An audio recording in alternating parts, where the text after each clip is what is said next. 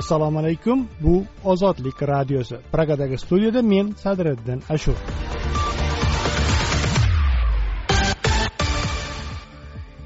Ozodlikning bugungi dasturida tajribaga tushgan ayollar sirdaryoda ayol hokim kengash raisligidan ketdi. O'zbekiston qo'lga olingan fuqarosi bo'yicha qozog'istonga nota yo'lladi. Qirq yillik quduq va zambil g'altak o'zbekiston aholisining ichimlik suvi muammosi. Bastrikin o'zbek migrantlaridan putinga arz qildi. O'zbekiston ko'proq migrant yubormoqchi. Dasturimizdan xalqaro hayot va mintaqa xabarlari ham o'rin olgan bu ozodlik radiosi. Ozodlikda xabarlar. Kunning muhim yangiliklari bilan mikrofon oldida men sadiriddin ashur. Prezident matbuot xizmatining ma'lum qilishicha shavkat mirziyoyev o'ninchi fevral kuni samarqand xalqaro aeroportida yaratilayotgan sharoitlarni ko'zdan kechirgan. Yangi aeroport binosi mirzo ulug'bekning ziji jadidi ko'ragoni kitobi shaklida barpo etilgan terminalning eni bir yuz yetmish besh balandligi yigirma besh metr. Bir soatda sakkiz yuz nafar yo'lovchiga xizmat ko'rsatish quvvatiga ega bo'ladi. Aeroportda ochiq osmon rejimi qo'llaniladi. Kargo xizmati ham yo'lga qo'yilgan. Yangi terminal kelgusi oyda foydalanishga topshiriladi. Avvalroq prezident matbuot xizmati shavkat mirziyoyev o'ninchi fevral kuni samarqandga safar qilganini xabar qilgan edi. O'zbekistondan umraga aviareyslar o'ninchi fevraldan boshlab haftasiga o'n olti marta amalga oshiriladi. O'zbekiston musulmonlari idorasining ma'lum qilishicha umraga haftaning har seshanba va shanba kunlari uch marta qolgan besh kunida ikkitadan reys parvoz qiladi. O'n oltinchi yanvar kuni o'zbekiston musulmonlari idorasi toshkentdan saudiyaga yigirma ikki yigirma besh va yigirma sakkizinchi yanvar kunlari aviareyslar yo'lga qo'yilgani to'g'risida xabar bergandi. Birinchi fevraldan boshlab umra safariga har kuni bittadan aviareys amalga oshirila boshlangan. Umraga boruvchilar koronavirusga qarshi astrazeneca moderna pfizer yoki jonson jonson vaksinalari bilan to'liq emlanib sertifikatga ega bo'lishi lozim. O'zbekistonda bundan buyon boquvchisini yo'qotgan o'quvchilar va talabalar o'qishi davomida yigirma uch yoshgacha nafaqa oladi. Ilgari boquvchisini yo'qotganlik bo'yicha nafaqa o'n sakkiz yoshgacha to'lanar edi.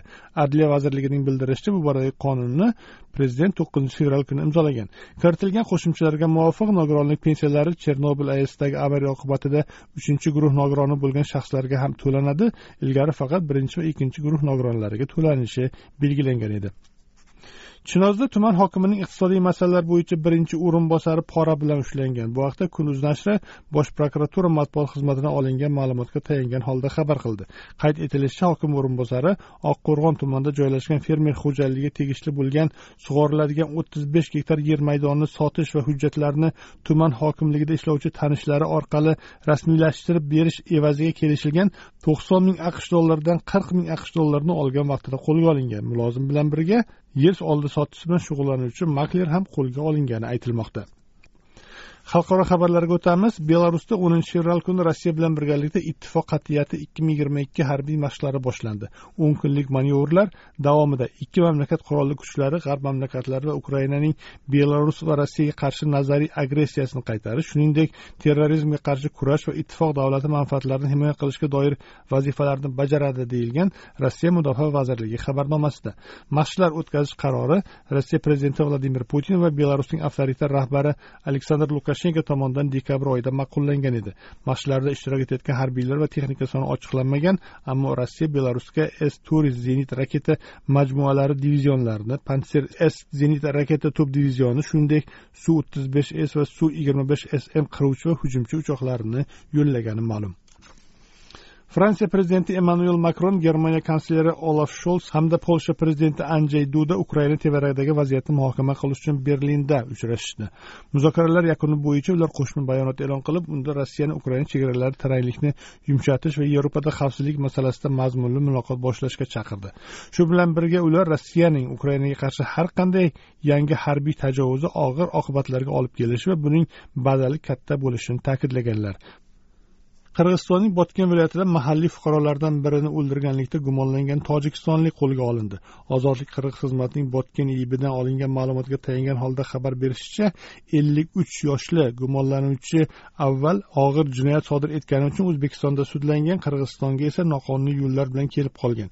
Samarqandlik qishlog'ida ushlangan bu odamning hozirda vaqtincha saqlash hibsxonasida ekani aytilmoqda. Xabarlar bilan tanishdingiz. Boshqa yangiliklar ozodlik nuqta org saytida. Dasturlarimizni ozodlik nuqta org sayti ozodlikning youtubedagi sahifasi android va apple telefonlari uchun ishlangan ilovalarimizda onlayn tinglashingiz mumkin. O'zbekiston va dunyo yangiliklarini ozodlikda kuzating.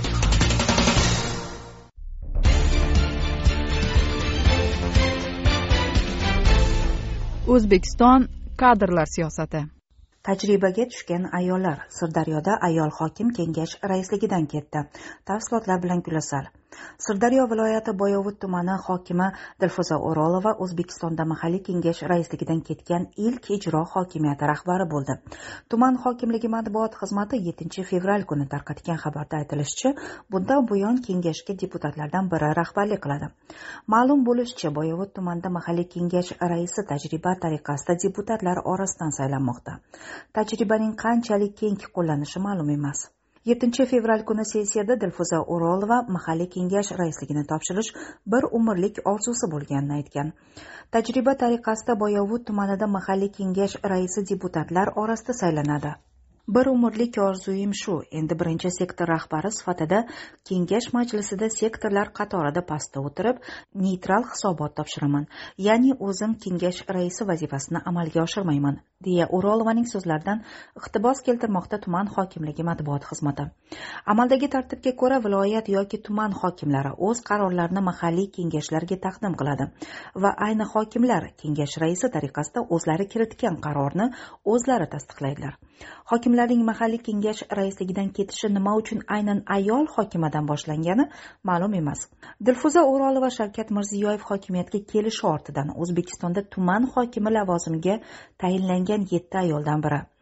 Boyovut tumani hokimi mahalliy kengash raisligidan ketgani e'lon qilinishidan bir kun avval yana bir ayol hamkasbi qarshi tuman hokimi maqsuda mustafoyeva esa o'z arizasiga binoan vazifasidan ketgani ma'lum qilindi. Tuman hokimligi matbuot xizmati bergan bayonotga ko'ra mustafoyeva tanqidlar ortidan lavozimidan ozod qilingan. Hokimning ishdan olinishiga jumladan u rahbarlik qilgan davrda aholidan shikoyatlar ko'paygani hokim og'ir uchastkalar bilan qiziqmagani sabab bo'lgani aytilmoqda. Mustafoyevaning ikki ming yigirmanchi yil mart oyida hokimlikka tayinlanishi prezident tashabbusi va gender tenglik ko'rinishi sifatida taqdim qilingandi. Tuman hokimi matbuot kotibi ahror sodiqovning ozodlikka bildirishicha kamchiliklar bois ishdan olingan sobiq hokimaga nisbatan surishtiruv yoki jinoyat tergovi bormayotir. U mehnat ta'tilida hamda tez orada keyingi faoliyati haqida xabar beriladi. Ayni paytda tarmoqlarda mustafoyevaning yuqori lavozimga tayinlanishi ehtimoli haqida ham gapirilmoqda. Qarshi tuman hokimi matbuot kotibi ahror sodiqov endilikda sobiq hokimning taqdiri bilan bog'liq xabarlarni sharhlay olmasligini bildirdi. Shavkat mirziyoyev prezidentlikka kelgach muqaddam faqat erkaklardan iborat bo'lgan hokimlar safiga ayollarni ham qo'shish tashabbusi bilan chiqdi. ikki ming o'n to'qqizinchi yil yigirma yettinchi dekabrda toshkentdagi uchrashuvlardan birida prezident ilm ahli va rahbar ayollarni ko'paytirish zarurati haqida gapirgan. Shu jumladan ayol rahbarlar ko'paysa korrupsiya kamroq xalq bilan muloqot ko'proq bo'lishini ta'kidlagan edi. Prezident so'zlaridan keyin hozirgacha yetti nafar ayol hokimlikka tayinlandi. Ularning ba'zilari joylarda cheksiz hokimiyatga ega erkak hamkasblari bilan bo'lgani kabi mojarolar markazida qolishdi. Jumladan maqsuda mustafoyeva ikki ming yigirmanchi yilning to'rtinchi martida lavozimga tayinlangach qator janjallar jumladan qarshi tuman hokimligida yig'ilgan xayriya mablag'laridan yuz million so'mning noqonuniy o'zlashtirilishiga aloqadorlik uchun tanqid qilingan hayfsan olgan edi.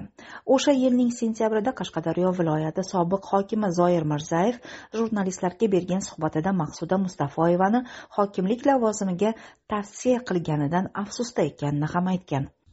Andijon viloyati bo'ston tumanining marhum hokimasi sadbarxon mamitova esa fermerlarni uyatli so'zlar bilan haqorat qilgani qayd etilgan yozuv oshkor bo'lishi bilan tanilgan.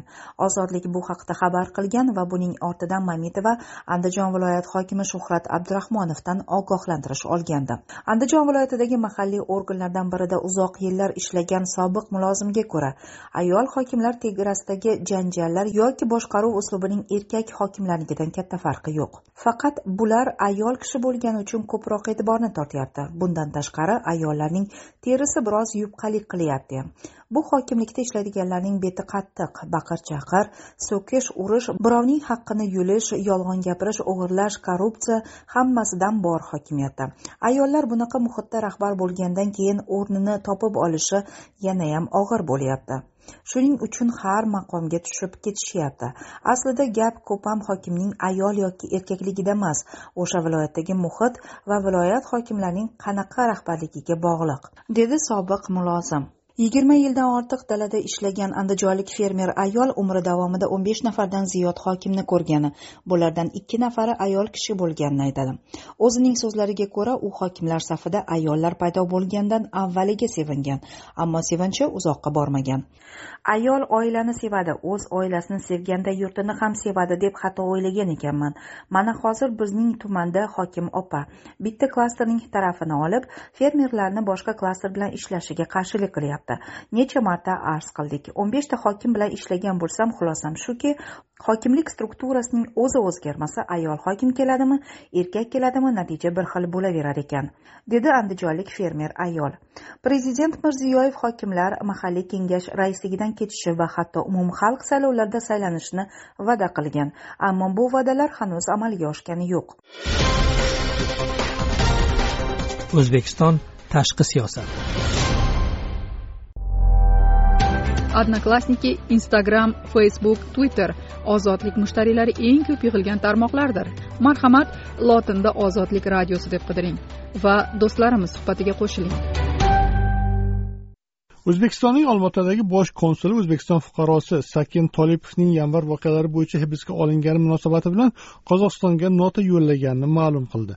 O'zbekiston tashqi ishlar vazirligi nota yuborilgani haqidagi ma'lumotni ozodlikning qozoq xizmatiga tasdiqladi ammo uning mazmunini ochiqlashdan bosh tortdi. Tafsilotlar bilan men sadiriddin ashur. O'n yetti yoshli tolipov o'tgan yili kuzda onasi bilan birga qozog'istonga kelib olmaotadagi turar joy majmualaridan birida qorovul bo'lib ishlagan. Qarindoshlarining aytishicha to'rtinchi yanvar kuni tolipov almaty arena muz saroyi yonida bo'layotgan tinch mitingga borgan u yerdan olomon bilan birga akimat oldidagi maydonga yo'l olgan.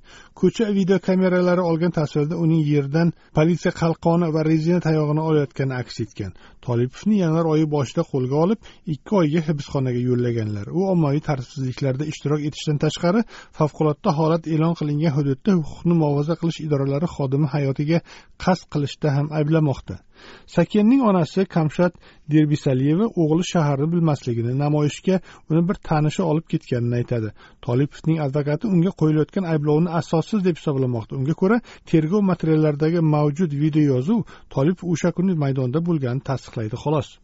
Sud gumonlanuvchi mamlakatdan chiqib ketib tergovdan yashirinishi mumkin degan vaj bilan advokatning ehtiyot chorasini uy qamog'iga o'zgartirish haqidagi iltimosnomasini rad etgan. Gumonlanuvchining onasi bu vajni mantiqsiz deb hisoblaydi chunki uning aytishicha o'smir otasi yoki onasi roziligisiz chegaradan o'ta olmagan bo'lur edi. Ayol tergov harakatlaridan so'ng o'g'lining ahvoli yomonlashganini hibsda u qiynoqqa solingan bo'lishi mumkinligini aytadi. Qozog'istonda yanvar voqealari munosabati bilan o'ndan ortiq chet el fuqarosi qo'lga olingan edi. Bu voqealarda qirg'izistonning ikki va o'zbekistonning bir fuqarosi nobud bo'ldi. Qozog'iston rasmiylari o'z bayonotlarida yanvar voqealarini tashqi kuchlar uyushtirganini jangarilar mamlakatga gastarbayter niqobi ostida kirib olishganini iddao qilgan ammo so'zlariga bironta ham dalil ko'rsatishmagan.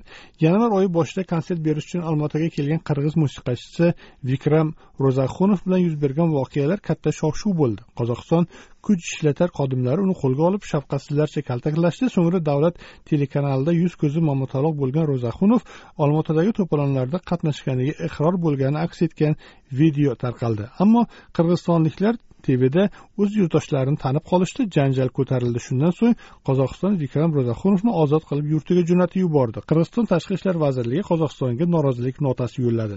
Cholponbek siddiqov ismli yana bir qirg'izistonlik sakkizinchi yanvar kuni olmaota yaqinidagi blokpostda qo'lga olingan edi. Uning tartibsizliklarda ishtirok etganlikda ayblaganlar keyin esa politsiya bo'limida qattiq kaltaklashgan. Cholponbekning miyasi chayqalib ikkala oyog'i va olti qovurg'asi singan. Qirg'iziston tashqi ishlar vazirligi siddiqov kaltaklanishi munosabati bilan qozog'iston elchisiga norozilik notasini topshirdi va qozog'iston xavfsizlik kuchlari xodimlarining xatti harakatlaridan tashvishdaligini bildirdi. Ozodlik radiosi. Ijtimoiy hayot.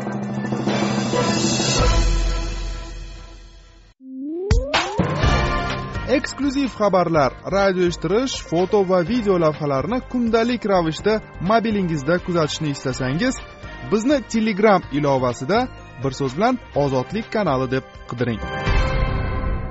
Qirq yillik quduq va zambil xaltak. O'zbekiston aholisining ichimlik suvi muammosi tafsilotlari bilan hurmat bobojon. Qashqadaryo viloyati ma'muriy markazi qarshi shahridan yuz kilometr uzoqlikdagi yakkabog' tumani jiyda qishlog'i aholisi qirq yildan buyon suvsizlikdan qiynalib keladi. Sovet davridan qolgan ichimlik suvi ta'minoti tizimlari eskirib yaroqsiz ahvolga kelgan. Ellik yil oldin qazilgan artizan quduq qirq ming aholi yashovchi jiyda qishlog'i uchun yagona ichimlik suvi manbai bo'lib qolmoqda. Yoshu qari har kuni zambil g'altakka ortilgan idishlarda shu quduqdan suv tashiydi. Artezan quduq atrofida yetti yoshdan yetmish yoshgacha hatto undan keksaroq odamlarni uchratish mumkin. Quduqdan suv olishga kelganlardan biri oltmish olti yoshli rus tili o'qituvchisi shodi xolikov uning ozodlikka aytishicha mahallaning muammolari ko'p ammo ichimlik suvi eng og'riqli muammo bo'lib qolmoqda. Qirq yildan buyon shu quduqdan suv ichamiz. Ertalab bir soat kechasi bir soat suv bo'ladi. Olgan oladi olmagan ertalab yana keladi. Bir yildan buyon obod mahallaga kirgan qishlog'imiz lekin obodonchilik yo'q. Prezidentimiz suv masalasini ko'taryapti suv yo'q. Haligacha suvni bir yarim kilometrdan olib kelyapti xalq deydi shodi xolikov ikki ming yigirmanchi yilda yakkabog'ning jiyda qishlog'i obod qishloq dasturiga qo'shilgan qashqadaryo viloyati hokimligidagilar ichimlik suvi ta'minotini yaxshilashni va'da qilgan edi. Ammo jiydaliklar bironta ish amalga oshirilmagani eskicha yashashda davom etayotganliklarini aytishadi. Jiyda qishlog'i o'zbekistondagi toza ichimlik suvi yetib bormagan minglab qishloqlardan bittasi xolos. Rasmiy statistikaga ko'ra o'zbekiston bo'yicha o'n bir mingdan ortiq qishloq suvsizlikdan aziyat ko'radi. Suvsizlik qoraqalpog'istonda ellik ikki foiz buxoroda ellik uch qashqadaryo va surxondaryoda ellik to'rt xorazmda esa ellik olti foizni tashkil etadi. O'zbekiston bo'yicha suv E, tarmoqlarning qariyb qirq foizi avariya holatida bo'lsa yigirma foizi mutlaqo ishlamaydi. Ichimlik suv tarmoqlaridan uzilgan aholi uni qimmat narxda sotib olishga yoki ariqdan oqib o'tuvchi suvni iste'mol qilishga majbur. O'tgan yili ozodlik namangan viloyati kosonsoy tumanida olti yuzga yaqin aholisiga ega mahallada odamlar ichimlik suvi yo'qligidan eski qovuzning bo'tana suvini ichishga majbur bo'layotgani oqibatda turli kasalliklar ko'payayotgani haqida xabar qilgan edi. Sayohatchilarga tibbiy ko'mak xalqaro tashkiloti o'zbekistonda ko'p joylarda suv tarmog'ida tozalash filtrlari ishlamasligi sabab vodoprovoddan oqayotgan suvni iste'mol qilish oshqozon ichak kasalligini keltirib chiqarishidan ogohlantirib keladi. Toshkentlik faol aleksey garshin o'zbekistonning nafaqat chekka qishloqlaridagi balki daryo bo'yidagi aholisi ham ichimlik suvi muammosidan aziyat chekayotganini aytadi. Sirdaryo viloyatida aholi suvsizlikdan qiynalayotganini o'zim ko'rganman. Besh litrlik plastik idishlarda suv tashishlarini ko'rganman. Bu hali daryo oqimidagi hududda bo'lyapti. Chekka hududlarda ahvol bundan battar deydi garshin. O'zbekiston prezidenti shavkat mirziyoyev iqtidoriga kelganidan buyon qishloq aholisi turmush tarzini tubdan o'zgartirish haqida gapirib keladi. Sakkizinchi fevral kungi hukumat majlisida ham mirziyoyev kelgusi besh yilda ichimlik suvi ta'minoti to'qson foizga yetkazilishini va'da qildi. O'zbekiston rahbariga ko'ra so'nggi besh yil davomida aholi suv ta'minotini yaxshilash bo'yicha o'n trillion so'm yoki oldingi yillarga nisbatan besh baravar ko'p mablag' ajratgan. Buning natijasida bir yarim million aholi toza ichimlik suvi bilan ta'minlangan. Eng muhimi bu ishlar hisobiga bir yarim million aholi ilk bor ichimlik suvi bilan ta'minlandi. Shu bilan birga hali sohada yechimni kutayotgan muammolar ko'p deydi mirziyoyev. O'zbekiston rahbari ikki ming yigirma ikkinchi yilda suv ta'minotini yaxshilash uchun ikki trillion so'm byudjetdan ajratilishi chetdan ikki yuz qirq besh million dollar jalb etilishini aytdi. ikki ming yigirmanchi yilda jahon banki o'zbekistonda suv ta'minoti tizimini rivojlantirish loyihalarini moliyalashtirish uchun ikki yuz o'ttiz to'qqiz millionlik kredit ajratgan. Shuningdek yevropa tiklanish va taraqqiyot banki hamda osiyo taraqqiyot banki ham suv ta'minoti loyihalarini moliyalab keladi. O'tgan yili sirdaryo viloyatining boyovut xovos mirzoobod sardoba va oqoltin tumanlarida bir yuz yigirma olti ming aholini suv bilan ta'minlashga ajratilgan osiyo taraqqiyot bankining yetti million dollarlik krediti talon toroj qilingani haqida xabar qilindi. Uch yil avval esa mahalliy matbuot guliston jizzax va qarshi shaharlari aholisini toza ichimlik e, bilan ta'minlash maqsadida osiyo taraqqiyot banki tomonidan ajratilgan yirik miqdordagi mablag' talon toroj qilingani haqida yozgan edi. Facebook lentasida ozodlik maqolalarini nafaqat o'qishingiz balki fikr bildirishingiz muhokama qilishingiz do'stlaringiz bilan o'rtoqlashishingiz mumkin. Audio suhbatlar video lavhalar ozodlikning facebook lentasida sahifamizni lotin imlosida ozodlik radiosi deb izlang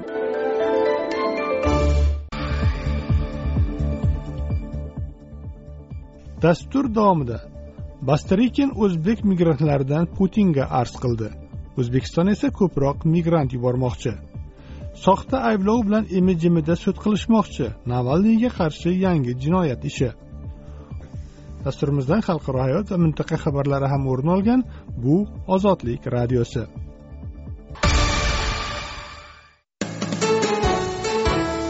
Ozodlik radiosi. Mehnat muhojiri rossiya tergov qo'mitasi rahbari aleksandr bastrikin migratsiya qonunchiligini kuchaytirish taklifi bilan prezident vladimir putinga murojaat qildi. Bastrikin putinga yo'llagan maktubida migrantlarning lokal mojarolari ommaviy ko'cha tartibsizliklariga aylanib ketishi xavfidan ogohlantirgan. Migratsiya ekspertlari bastrikin so'zlarini jiddiy shubha ostiga olmoqda. Mavzu tafsilotlari bilan men umidbek rossiya tergov qo'mitasi rahbari rossiyadan muhojirlar bilan bog'liq muammo haqida prezident vladimir putinga maktub yo'llagani haqida baza telegram kanali xabar berdi.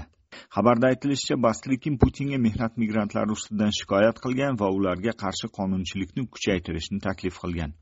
Aks holda uning fikricha migrantlarning lokal mojarolari ommaviy ko'cha tartibsizliklariga aylanib ketishi mumkin. Tergov qo'mitasi rahbari o'z bildirishnomasida vaziyatni keskinlashtirgan va ruslarni milliy drujinalar tuzishga undagan o'zbeklar qirg'izlar tojiklar va tajovuzkor gastarbayterlar haqida so'z yuritgan. Basrikin keltirayotgan raqamlarga ko'ra ikki ming yigirma birinchi yilning o'n bir oyi davomida migrantlar tomonidan rossiyada o'ttiz uch yarim ming jinoyat sodir etilgan. U leningrad viloyatining viborg shahri do'kon yonida qo'lga olish chog'ida olti nafar o'zbekiston vatandoshi ikki politsiyachi bilan mushtlashganini alohida ta'kidladi. Aleksandr baslikin prezidentga yo'llagan xatida rus jamiyatidagi kayfiyat haqida ma'lumot berib rossiyaliklar migrantlar maishiy xizmat ko'rsatish sohasini monopoliyaga olganidan jiddiy xavotirda ekani to'g'risida ma'lumot berdi. Avvalroq rossiya ichki ishlar vazirligi chet el vatandoshlarining rossiyada yashashi nomaqbulligi to'g'risida qaror qabul qilish tartibini yangilashni taklif qilgandi. Xususan migrantlarni mamlakatdan chiqarib yuborish to'g'risida qaror qabul qilinishi mumkin bo'lgan muddat cheklovlarni bekor qilish. Shuningdek politsiya xorijliklarning rossiyada oilasi bor yo'qligi hisobga olishi kerakligi qayd etildi. Ayni paytda migratsiya ekspertlari rossiya tergov qo'mitasi boshlig'i keltirayotgan raqamlarni jiddiy shubha ostiga olishmoqda. Migratsiya masalalari bo'yicha ekspert migrant mobi portali asoschisi huquqshunos botirjon shermuhammad bastrikin o'z bayonotida mutlaqo yolg'on raqamlarni keltirayotganini aytadi. Basrikin bayonotiga e'tibor bergan bo'lsangiz u chet el vatandoshlari jinoyatlari ko'payib borayotgani to'g'risida raqamlarni keltirgan. Biz bu raqamlarni tahlil qilib chiqdik. Ya'ni ikki ming o'n uchinchi yildan beri mdh grajdanlari qilgan jinoyatlari yigirma to'qqiz foizga kamaygan. Umuman rossiyada qilingan jinoyatlar miqdori bilan solishtirganda migrantlarning jinoyatlari uch foizga ham yetib bormayapti deydi botirjon. Huquqshunosning fikricha rossiya ichki ishlar vazirligining muhojirlar tomonidan ikki ming yigirma birinchi yilning o'n ikki oyida sodir etilgan o'ttiz olti mingdan ziyod jinoyatlar borasida bergan raqamlari shu muddat ichida sodir etilgan ikki milliondan ziyod barcha jinoyatlarning bir qismidir. Sankt peterburgdagi yevropa universiteti professori sergey abashin ozodlik bilan suhbatda migratsiya sohasida putin hukumati ichida katta ixtilof mavjudligini taxmin qildi. Menimcha rossiya hukumatida ikki qarama qarshi kuchlar to'qnash keldi. Biri migratsiya siyosatiga bo'lgan talablarni keskin oshirish tarafdori bo'lgan propagandachilar. Ikkinchisi esa bunga qarshi bo'layotgan pragmatiklar.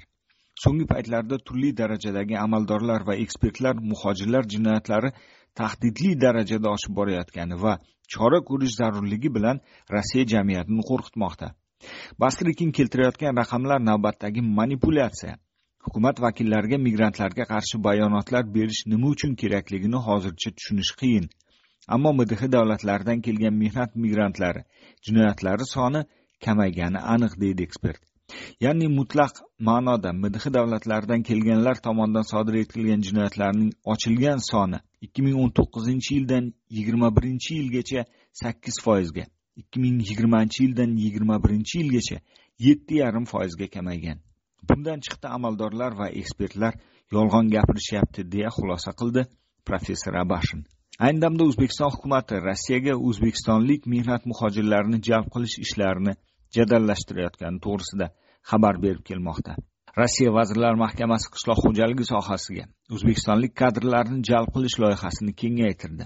Rasmiy ma'lumotga binoan rossiya federatsiyasi hukumati o'zbekistondan nafaqat qurilishga balki agrosanoat majmuasiga ham ishchi kuchini ommaviy tarzda jalb qiladi. Endilikda rus ishlab chiqaruvchilari rossiya quruvchilik sohasiga o'n ming qishloq xo'jaligiga yana bir ming bir yuz sakkiz kishini jalb qilishi mumkinligi belgilandi. Ozodlik whatsapp va telegramda plyus to'rt yuz yigirma yetti yuz yigirma to'rt to'qqiz yuz yetmish bir besh yuz o'ttiz to'qqiz. Plyus to'rt yuz yigirma olti yuz ikki olti yuz o'n ikki yetti yuz o'n uch. Marhamat bizga bog'laning.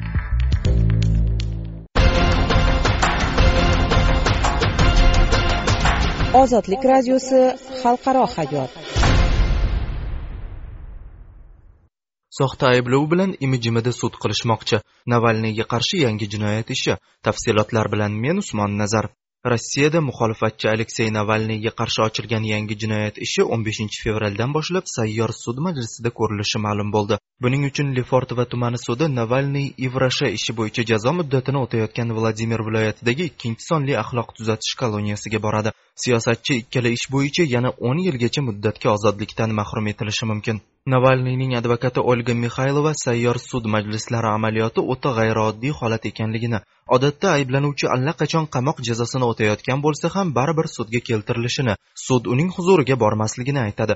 Advokat sud majlisining koloniyada o'tkazilishi navalniyning himoya huquqidan foydalanishida jiddiy to'siqlarni vujudga keltirishidan xavotir olmoqda. Koloniya qo'riqlanadigan obyekt hisoblanadi. Uning hududiga telefon kompyuter va shunga o'xshash narsalarni olib kirish mutlaqo taqiqlangan. Bu holda sud qanday o'tadi? Biz va guvohlarimiz ichkariga qanday kiramiz? Hayronman deydi mixaylova navalniyning safdoshi ivan jdanov bu fikrga qo'shiladi. Yopiq majlisda imijimida sud qilishmoqchi. Bu rejimli obyekt deb covid cheklovlarini ro'kach qilib hech kimni kirgizishmaydi deydi u. Muxolifatchiga ko'ra hukumat navalniyga qarshi yangi hukm ommaviy norozilikka sabab bo'lishidan cho'chib shunday yo'l tutmoqda. Ish materiallarida jinoyat tarkibi yo'qligi va umuman voqea ham huquqbuzarlik ham mavjud emasligi ochiq oydin ko'rinib turibdi. Alekseyni korrupsiyaga qarshi kurash fondiga qilingan xayriya pullarini o'zlashtirganlikda firibgarlikda ayblashyapti. Holbuki u fonddan hech qachon pul olmagan. Jinoyat ishi tafsilotlari bilan tanishgan odamlar bu yerda jinoyatning o'zi yo'q-ku deb hukumatni masxara qilishgan bo'lardi deya so'zida davom etadi ivan Jidanov. uning aytishicha rasmiylar bir chekkasi shunday vaziyatga tushmaslik uchun ham navalniyni yopiq majlisda sud qilishmoqchi. Qolaversa mamlakatning bosh muxolifatchisiga bo'lmag'ur ayblovni yopishtirib odamlarning norozilik aksiyalariga chiqishiga sabab bo'lishdan hadiklanishyapti mulohaza qiladi u. shuningdek hukumat sud jarayoni kun tartibidagi xalqaro mavzularga soya solishini ham istamaydi. 15 fevral kuni moskvaga germaniya kansleri olaf sholts kelyapti. Navalniyning zaharlanishi germaniya uchun ham ahamiyatli voqea chunki zaharlanganidan so'ng uni aynan ushbu mamlakatga olib ketishgan va berlin klinikasida alekseyning organizmidan novichok moddasi topilgan. O'ylashimcha mana shu voqealarning bari ularni navalniy ustidan sudni panaroqda o'tkazishga undagan. Ko'rasiz sud majlislarini cho'zib o'tirishmaydi bir zumda yakunlashadi deydi ivan jdanov navalniy ustidan firibgarlikka oid jinoyat ishi ikki ming yigirmanchi yil dekabrda rossiya jinoyat kodeksining bir yuz ellik to'qqizinchi moddasi to'rtinchi qismi bo'yicha qo'zg'atilgan. Muxolifatchi juda ko'p miqdorda uch yuz ellik olti million rubl pul o'zlashtirganlikda ayblanmoqda. Bundan tashqari siyosatchini ikkinchi jahon urushi veterani ignat artemenkoga tuhmat ishini o'rgangan sudya vera akimovaga hurmatsizlik qilishda ham ayblashyapti. Mazkur ish bo'yicha navalniyga besh yuz sakson ming rubl jarima solingan edi. Aleksey navalniy ikki ming yigirma birinchi yil boshlarida germaniyada davolanib qaytishi bilan hibsga olingan edi. Rasman bu jazoni ijro etish federal xizmatining muxolifatchi go'yo ivrasha ishi bo'yicha tayinlangan shartli jazo muddatini o'tash tartibini buzgani haqidagi arizasiga ko'ra amalga oshirilgan. Keyinroq sud navalniyni mazkur ish bo'yicha uch yarim yilga ozodlikdan mahrum etish to'g'risida hukm chiqargan. Ozodlik eshittirishlarini youtubeda ham tinglash mumkin. Kundalik eshittirishlarimizni lotinda ozodlik radiosi deb qidiring.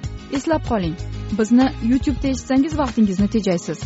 Kundalik lavhalar alohida alohida joylashtirib boriladi. Youtube nuqta com ozodlik radiosi.